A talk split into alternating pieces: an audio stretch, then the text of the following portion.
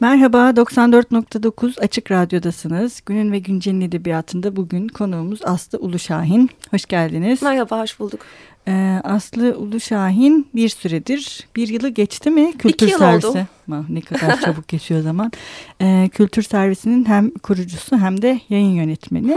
Ee, kendisiyle bugün hem kültür servisini hem işte internette kültür ve edebiyat yayıncılığını e, konuşacağız. E, şimdi bu bir süredir aslında Türkiye'de sanırım bir son beş senedir e, internet yayıncılığı oldukça arttı. Hı hı. Ve e, peki nasıl e, okur nezdinde karşılığı? Örneğin kültür servisi nasıl bir ilgi görüyor? Yani basılı bir e, yayın organından sağ. Hı hı. Yani internet ortamında bir yayın organı olmak ve burada hani hem kültür ve edebiyatı öne çıkaran bir şekilde e, görünür olabiliyor mu? Hı hı. Onu söyleyeyim. Ee, önce birazcık kültür servisinden hı hı. bahsedeyim isterseniz. Dediğim gibi iki yıl oldu. Ee, 1 Eylül e, 2015'te başlamıştık. İki yılı devirdik. E, o zamandan beri de devam ediyoruz. Evet kültür servisi bence bir ihtiyaçtan doğdu. Yani tabii ki bir hayaldi ve ihtiyaçtan doğdu. Çünkü basılı yayınlardaki kültür sayfaları habercilik anlamında gittikçe daraldıkça yani tabii ki kitap ekleri e, devam ediyordu. Başka yayınlar, dergiler var ama özellikle gazetelerde kültür sayfaları azaldığı için e, böyle bir ihtiyaç vardı bence. Biz de bunu yapmak, e, bu boşluğu bir nebze olsun doldurmak için yola çıktı. Kültür haberciliği yapmak anlamında. Ee, zaten internet gazeteciliği de bence son beş yılda bu yüzden arttı. Ee, var olan gazetelerdeki mevcut durumlarla ilgili o boşluktan. Ee, o yüzden kültür servisi internette iki yıl çok kısa bir süre olmasına rağmen iyi bir tepki gördü. Çünkü bence böyle bir şey gerçekten ihtiyaç vardı dediğim gibi. Biz okurlardan yana hep çok şanslıydık. Yani bizim iyi bir takipçi kitlemiz kendiliğinden birdenbire oluştu. Ve o hala devam ediyor. E, o yüzden tabii internet çok geniş de bir alan bize çok büyük imkanlar sunuyor. E, basılı yayınlar kadar e, kültür üreticilerinin nezdinde ne kadar e, ciddiye alınıyor bilmiyorum. Ama e, okurlar tarafından internet yayıncılığı gerçekten özellikle kültür anlamında bence e, karşılığını görüyor.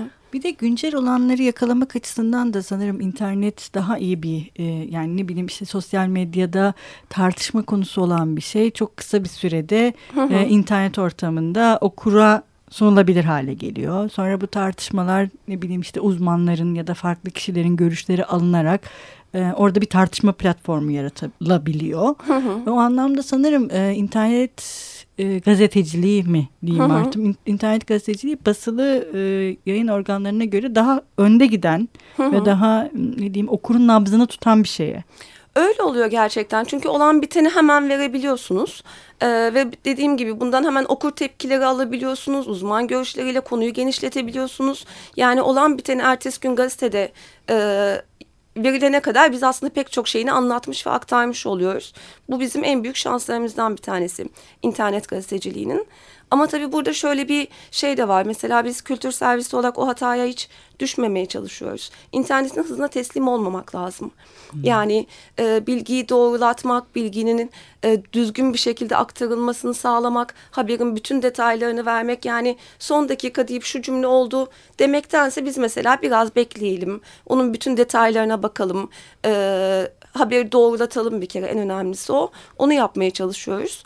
Ee, ama elbette ki şey internet bize böyle bir imkan sunuyor. Çok hızlı bir şekilde e, haberi dolaşıma sokma imkanını. Peki mesela kültür servisinde e, siz e, hem bu gazeteci yani kültür ıı, sanat gazeteciliği yaparken e, yani daimi yazarlarınız da var. Hı hı. E, bunu nasıl belirliyorsunuz? Yani daimi bir yazar kadrosu e, nasıl bir ağırlığa göre belirleniyor? Ya da işte bu yazarlarınızdan siz talep ediyor musunuz bazı konuları yazmanızı, yazmalarını? Ee, yalnızca kültür servisi adına konuşursak biz şöyle bir şey belirledik. Ee, yani mesela gazeteler e, köşe yazarlarıyla doldu. Biz öyle bir enflasyon içerisinde olalım istemedik. Biz daha çok haber verelim, haber üretelim. Türkiye'ye bakalım, dünyaya bakalım. Dünyadaki gelişmeleri de çok önemsiyoruz biz. Çünkü bazen böyle Türkiye'deki kısır gündemimiz içerisinde sıkışıp kalıyoruz ve dünyayı unutabiliyoruz. O dengeyi yani biz önceliğimizi haberden yana kullandık hep. Ama yazarlarımız da tabii ki bu...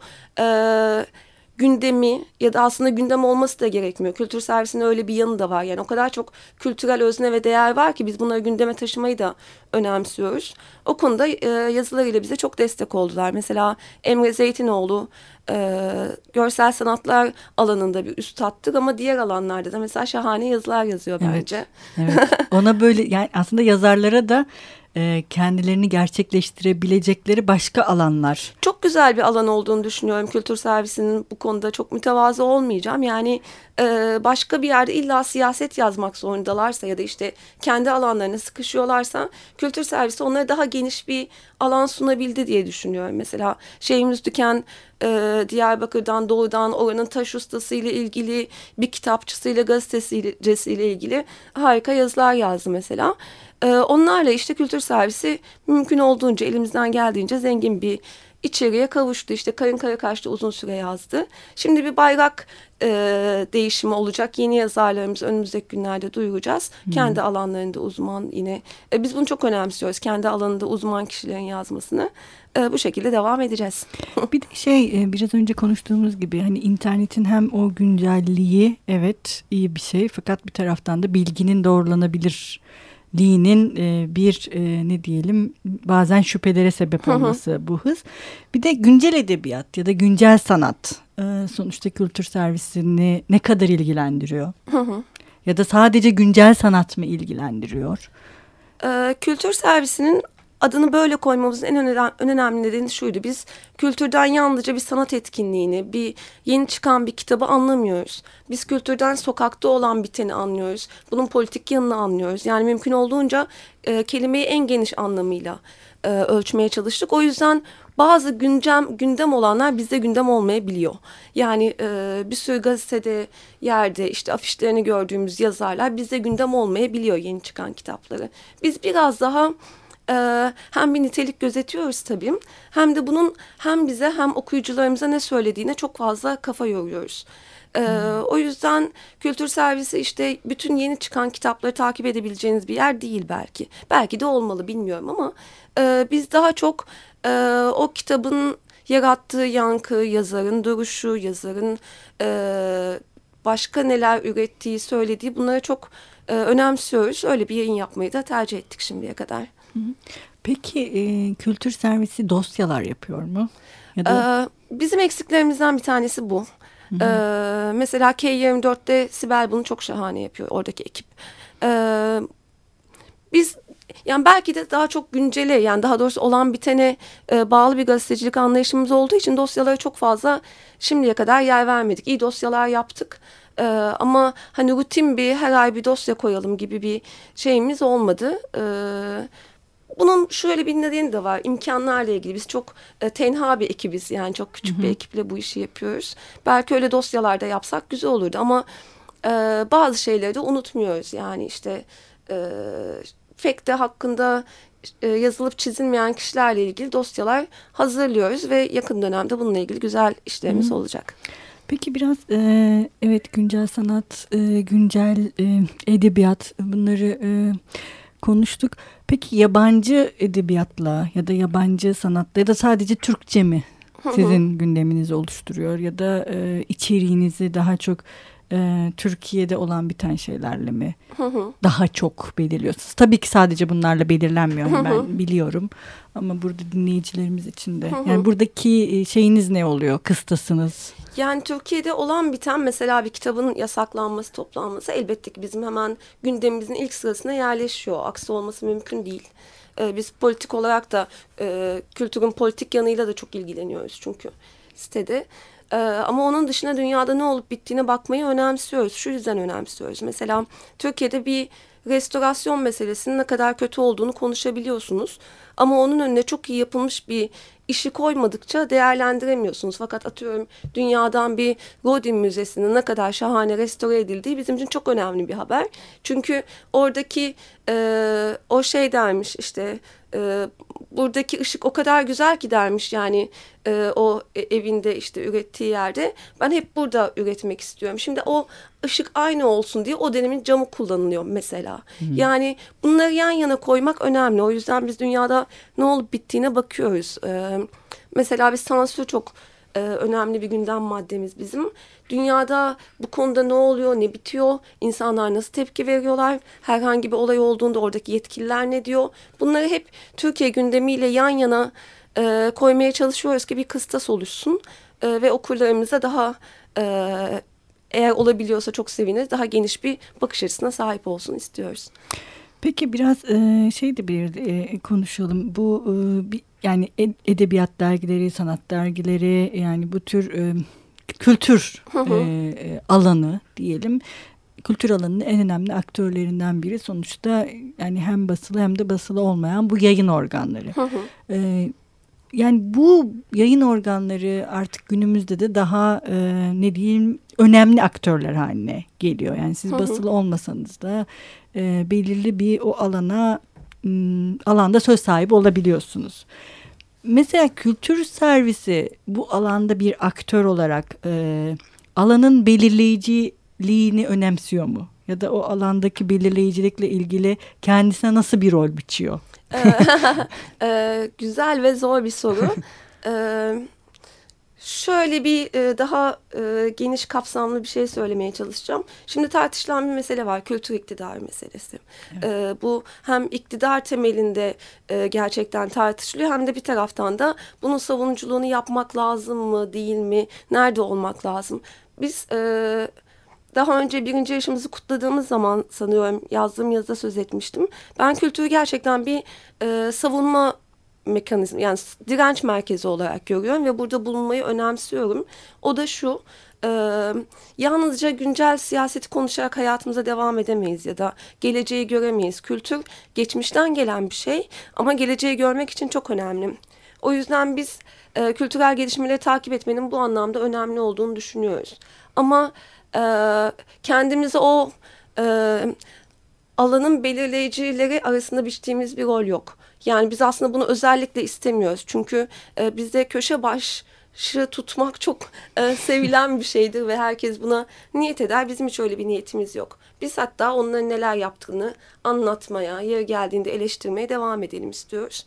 Mütevazı, sakin e, ama e, doğru giden bir yayın çizgimiz olması bizim için yeterli. Onun dışında bir e, aktör olmaya niyetimiz yok. Ama tabii ki e, kültür servisinde yazılan bir eleştiri e, ciddiye alınıyorsa ve bu önemseniyorsa daha başka bir şey de istemeyiz tabii. Peki şey konusunda ne düşünüyorsunuz? Bunu biz yani buraya gelen yazarlarla, eleştirmenlerle, işte e, yayıncılarla da zaman zaman konuştuğumuz bir mesele. Türkiye'de uzun yıllardır işte söylenmeye söylenen bir şey var. Artık işte polemiklerin daha az olduğu, e, eleştirel ortamın yeterince canlı olmadığı, işte bunda da e, belirli anlamlarda hem bu internet gazeteciliğinin belirli anlamda da işte kitap eklerinin e, sadece tanıtıma ve e, ne diyeyim övgüye e, yer vermesinin önemli bir sebep olduğu dile getiriliyor farklı şekillerde. Mesela siz e, kültür servisi olarak e, bu durumu nasıl değerlendiriyorsunuz? Siz de böyle düşünüyor musunuz? Gerçekten durum bu mu? Ee, yani siz ne yapıyorsunuz bu konuda? Ee, kesinlikle böyle düşünüyorum. Yalnızca edebiyatla ilgili değil. Hep bunun edebiyat kısmı tartışılır ama mesela çeviri eleştirisi bizde pek tartışılmaz. Oysa evet. ki en sorunlu alanlardan bir tanesidir. Ee, sergiler al gülüm ver gülüm ben senin sergini beğendim sen de benimkisini beğen temelinde ilerliyor. Mesela bu çok daha ciddi bir sorun bence Türkiye'de. Ee, böyle bir eleştiri yoksunluğumuz var bizim. Ee, ve kültür servisi yani biz bunu gerçekten en azından bir ucundan tutalım istiyoruz. Tabii ki e, dediğim gibi hayallerimizin daha çok azını gerçekleştirebildik ve çok kısıtlı imkanlarla yolumuza devam ediyoruz ama e, en azından e, edebiyat eleştirisi sanat eleştirisi konusunda e, nitelikli yazılar yayınladığımızı düşünüyorum ben ve buna belki daha da ağırlık vermemiz lazım. Çünkü ciddi bir boşluk var bu konuda. Evet evet hem Hı -hı. ciddi bir boşluk var hem de polemikler çıktığı zaman da şey olmuyor. Oradan yeni bir şey çıkmıyor. Çıkmıyor. Çünkü evet. insanları konuşmaya teşvik etmek çok zor. Daha doğrusu kendi aralarında sıkça konuşuyorlar eminim ama bunu yazmaya teşvik etmek çok zor gerçekten. Bu meseleleri hani sen yazsan, sen de karşıt görüşte bir şey yazsan ve bu e, çünkü yazdığınız zaman kavramlar üzerinden bir iş yapmaya başlarsınız. Öbürküsü söz daha çok dedikodu gibi oluyor. Ee, böyle bir mesela eski gazetelere ya da dergilere bakın muazzamdır. Yani ha. onları ben şimdiden şimdi bile çok keyif alarak okuyorum ve zaten e, tartıştıkları çoğu şey konusunda pek ilerlemediğimiz için hepsi çok güncel. Artık böyle bir e, mecra yok yani bunu kitap eklerinde bulamıyorsunuz, dergilerde bulamıyorsunuz. İnternette biz olması için elimizden geleni yapıyoruz ve yazarları bu alanda da teşvik ediyoruz her alandan yazarları. Ama bunu sağlamak çok kolay olmuyor gerçekten. Ee, bir de şöyle bir şey var işte eski gazete ve dergilerden bahsettiğinizde o dönemlerde tabii şimdi bu dönem yani bunda ne kadar müsait bilemiyorum ama evet. E, şey de var hani sonuçta internet çok büyük bir mecra e, çok çabuk cevap da yani karşı okurdan karşılığını da çok hızlı bir şekilde alabileceğiniz bir mecra. Yani ne bileyim işte zamanında birçok büyük gazete ya da dergi anketler yapıyor mesela. İşte yazarlar üzerine, ressamlar üzerine, müzeler üzerine. Bu mesela Türkiye'de neredeyse hiç olmayan hiç. bir şey. Hani sanki bizim artık buna ihtiyacımız yok mu? Ya da okur nezdinde. Ee, ya da ne bileyim siz işte kültür servisi olarak buna gereksinim var mı? Ya da ee, bunun başka bir alternatif kanalları yaratılabilir mi? Yaratılmak yani, yani şeydir ya her dönem kendi kanallarını da yaratır. Belki evet o dönemde bu bir kanaldı. Okura ulaşmak ve belirli anlamlarda belki bir şeyin satışını sağlamak, duyulmasını sağlamak. Ee, gerçi hala bazı yapıyor dergiler. Ee, yani bu kanallar nasıl açılıyor ya da yeni kanallar açmak gibi bir yolunuz var mı? Bir kere buna her zamankisinden daha çok ihtiyacımız var. Orası kesin. Ve mesela ben kültür servisi fikrini ilk arkadaşlarımla paylaştığım zaman bana diyorlar ki o kadar haberi nereden bulacaksın? Hmm. Ben de diyorum ki keşke hepsine birden ulaşabilsek. Yani aslında o kadar çok malzeme var ki üzerinde oturup günlerce tartışmamız gereken bu kitap yasakları gibi temel bir sorunumuz da olur. Ee, mesela sanatın piyasa ilişkisi de olur. Ee, ve bunun üzerinden hem e, onlarca dosya hazırlanabilir hem de büyük tartışma e, ortamları e, sağlanabilir. E, internetin buna yeni bir alternatif kanal e, açacağını düşünüyorum ben. Şimdilik belki biz henüz farkında değiliz ama ya da bunun imkanlarını yaratamadık ama internet kendi hızı ve kendi mesela artık Twitter'da insanlar nasıl birbirlerine hızlı cevap verebiliyorlar, tartışıyorlar. Belki onun gibi bir yol bulacaktır diye düşünüyorum. Biz de bu konuda elimizden geleni yapmalıyız tabii. Bir de şey var mesela sonuçta yine bu internet yayıncılığıyla ve de sosyal medya ya da tabii göz önünde bulundurduğumuzda artık işte meşhur şairlerin, yazarların, ressamların, ne bileyim grafikerlerin hepsinin birçoğunun e, şeyleri var. E, Twitter hesapları var, Facebook hesapları var ve oradan istediklerini duyuruyorlar. İşte hemen geri dönüş alabiliyorlar falan. E, ama bu şeyi de yani manipüle etmeyi çok kolaylaştıran bir şey. Yani siz ne bileyim işte bir kitap çıkıyor diyelim ya da yeni bir film çıkıyor. 10 tane işte hatırı sayılır ya da e, ne denir beğenilerine güvenilir olduğu hı hı.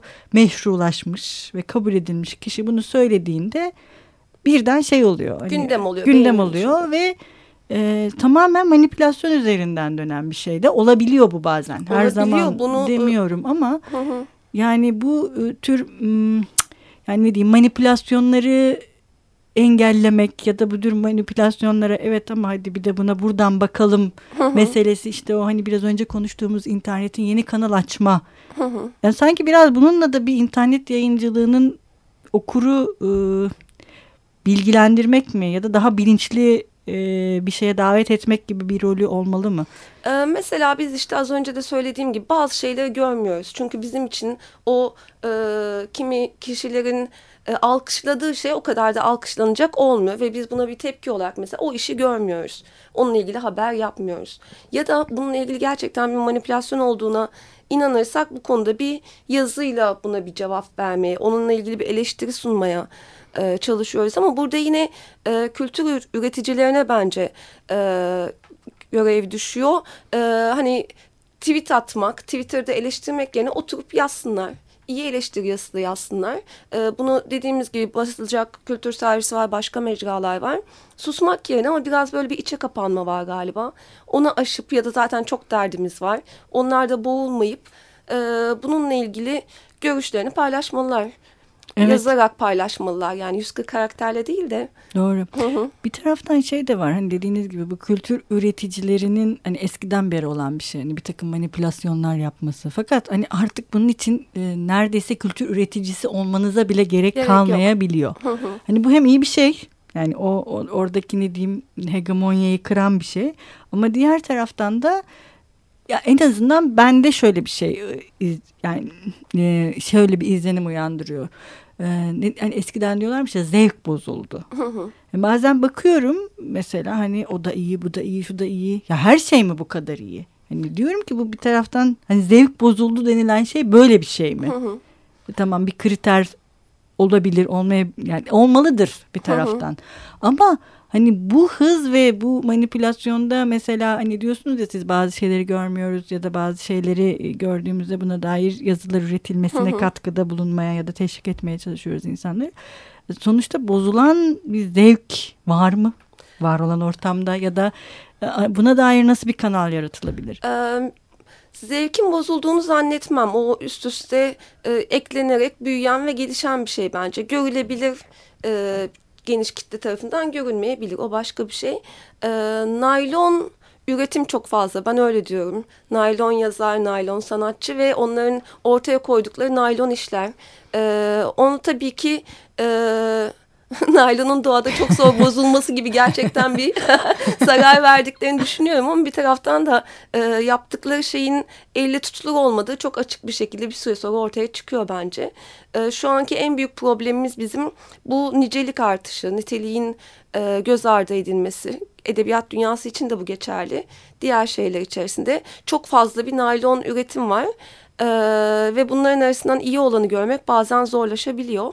E, işte evet. yine orada bize e, yani size bize e, görev düşüyor sanırım doğru olanı işaret etmek için. Evet bu kadar hızlı ve bu kadar çok şey varken onun bir de bu bu da bir şeye dönüştü sanırım değil mi? Çok olması. Hı hı. Yani bilmiyorum artık Türkiye'de yani belki siz biliyorsunuzdur yılda kaç tane kitap basılıyor bir yılda. Yani yayıncıları kutlamak lazım bence iyi ve kötü anlamda. Bir taraftan inatla bütün o baskılara, sansür ortamına rağmen işlerini çok iyi yapıyorlar. Diğer taraftan da ben bunu internet gazeteciliği için hep söylüyorum. Bu kadar habere gerçekten ihtiyacımız var mı? Hani timeline'ımıza 15 dakikada bir düşen habere ihtiyacımız var mı derim. Bazen bu kadar e, kötü işlerin basılmasına, sergilenmesine ihtiyacımız var mı diye de düşünüyorum. Çünkü bu bir kültür ortamı yaratmıyor. Yani yurt dışına baktığımızda bunu görüyoruz zaten. Bu bir... E, kirlilik diyeceğim bana kızacaklar ama öyle bir e, ortam yaratıyoruz. Yani süpürmesi zor olacak çünkü ileride e, bu kalıntıyı. E, ama diğer taraftan da inatla üreten insanları her zaman alkışlamak lazım. Nitelikli olanı. E, evet bugün e, Aslı Uluşahin'le birlikteydik. Bizim e, bayağı hızlı geçti bugün e, ve işte aslında tabii bu kültür endüstrisi meselesinin daha konuşulacak çok şeyleri var şüphesiz. Ee, ama biz kültür servisi gibi e, ne, aktör demeyelim ne diyelim. Oyuncusu. evet, kültür e, servisi gibi oyuncuların e, bu kültürün içerisinde yer almasının önemli olduğunu düşünüyoruz ve umarız uzun yıllar devam edersiniz. Ee, biz de burada olduğunuz için çok teşekkür ederiz. Ben de çok teşekkür ederim. Bunu beni konuk ettiğiniz ve kültür servisinden bahsetmeme izin verdiğiniz için sağ olun. Hoşçakalın. Görüşmek üzere.